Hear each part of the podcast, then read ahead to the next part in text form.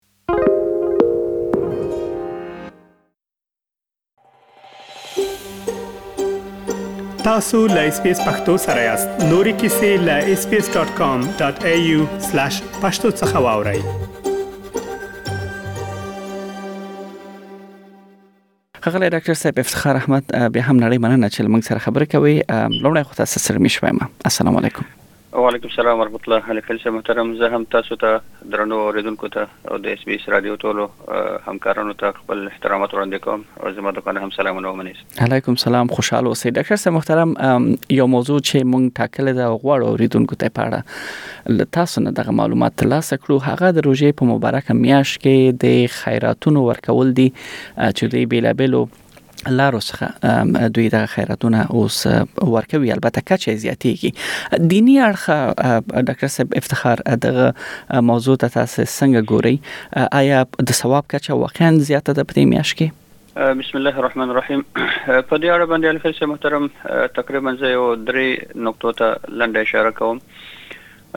یو خو دا ده چې موږ او تاسو ته اسلامي تعلیمات همیشه دا امر کوي چې انسان باید یوازې د خپل ځان په فکر کې نه وي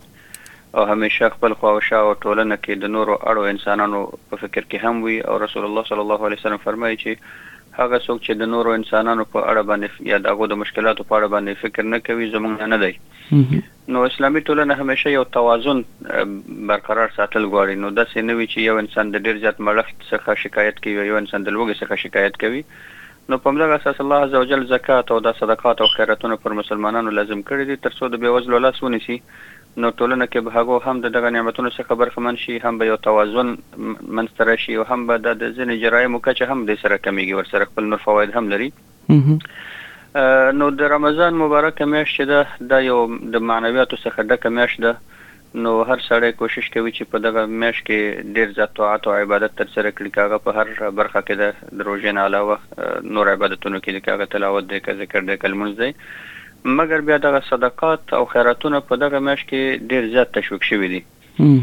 ځکه هم رسول الله صلی الله علیه وسلم په اړه باندې ویل کېږي چې هغه به په دغه میاشت کې د هغه سخاوت په د الله په لاره کې ورکړه کې به تر ټولو میاشتو ډېر و نو د هغو دغه عمل کرد مونږ تاسو ته هم دغه یو لاره ښایي چې باید انسان په دې میاشت کې نسبت نورو میاشتو نه لږ د خپل سخاوت زیات کړي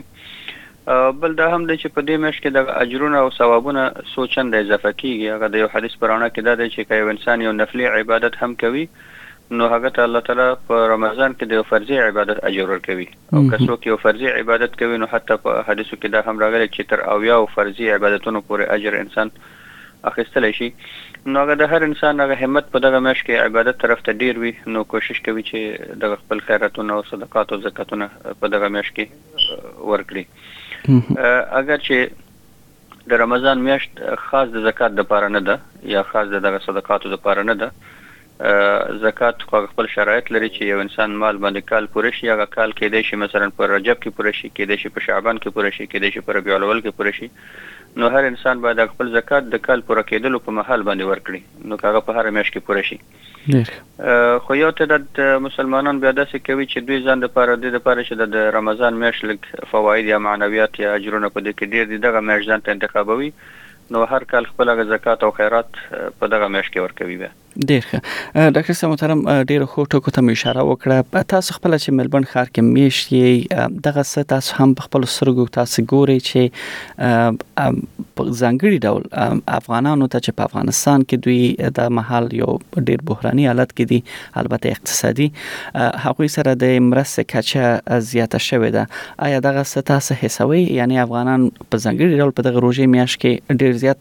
خیرات ورکوي واقعا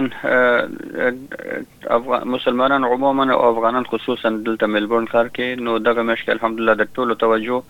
د خپل ځن په نسبت افغانستان ته او هیواد ته ډیره ده او هر سړی چې کله ماښام کې دغه افطار کوي او دلته په خپل دسترخوان مختلف ډول نعمتونه ګوري نو هماغه فقیرانو او مسکینانو بې وزله او کورنۍ چې هلته پاتې دي هغه انسان ته په سترګو ودرېږي دغه حالت تصور کوي نو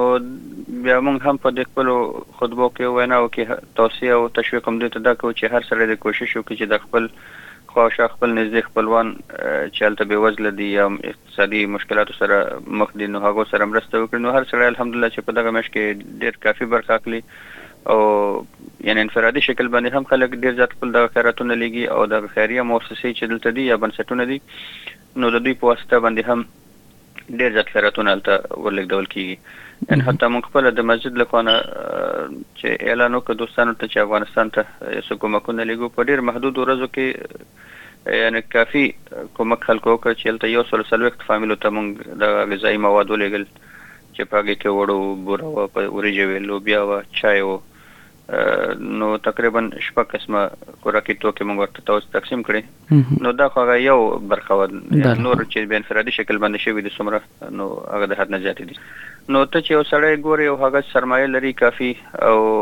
د خیر اراده هم لري مګر نه پوهیږي چې د خپل سرمایه چیرته مصرف کړي یا څرنګه ورکړي یا څرنګه د یو خیر کار وکړي نو دغسې خلکو ته چې یادونه وشي چې افغانستان کې زموږ وضعیت د اقتصاد د لحاظ نه دا رقم دی او خلک په څه مشکلاتو کې دي نو دوی بیا ډېر په ښه پراخه سینې باندې برخه اخلي او ښه کافي برخه اخلي یعنې حتی دلته موږ تجربه لرو چې ځینو کسانو ته مو فقط یوه اشاره کړې ده داسې کافي برخه یې اخیستلې ده په یو انفرادي شکل باندې که نه نو د امامانو اوس علت هم دا دی چې دغه مسایل ته خصوصا په دغه میاشت کې توجه وکړي او دغه مؤمنان او مسلمانان دې ته تشویق کړي تر څو د خپل زکاتونه او خیراتونه هلته هېواد ته ولېږي او د خلکو کافي مشکل ورباندې حل شي بلکې د هغو وظیفه دا هم ده چې نه یوازې په رمضان کې ځکه که د رمضان مبارکې میاشت کې دغه خیراتونه او صدقات او زکاتونه ورولېږل شي خو د رمضان نه وروسته یولس میاشتې نور به هغو ته شی پاتې نه شي بیا به بیا مشکل سره مخ وي نو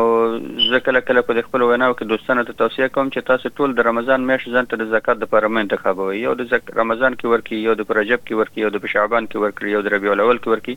ترڅو په ټول د کال کې هم دغه سلسله جاری پاتې شي او همیشه هغه اړ کسان او مسکینان د دغه کمکونو څخه برخمن شي. ډېره ښه مشوره ده ډاکټر صاحب، په دې هیله چې په دې باندې عمل هم وشي، ستاسو خبره بلکل پر ځای ده، ځکه چې په یوه میاشت کې که هر څه ورکړل شي نو له هغې وروسته بیا هم مرستې ته اړتیا ده. نو ډاکټر صاحب محترم خوشحاله اوسئ او ډېره زیاته مننه چې دغه معلومات مو شریک کړل. هیله کوم، تاسو نه هم مننه، ډېره مننه چې ما سره مرتبطونه اوسئ.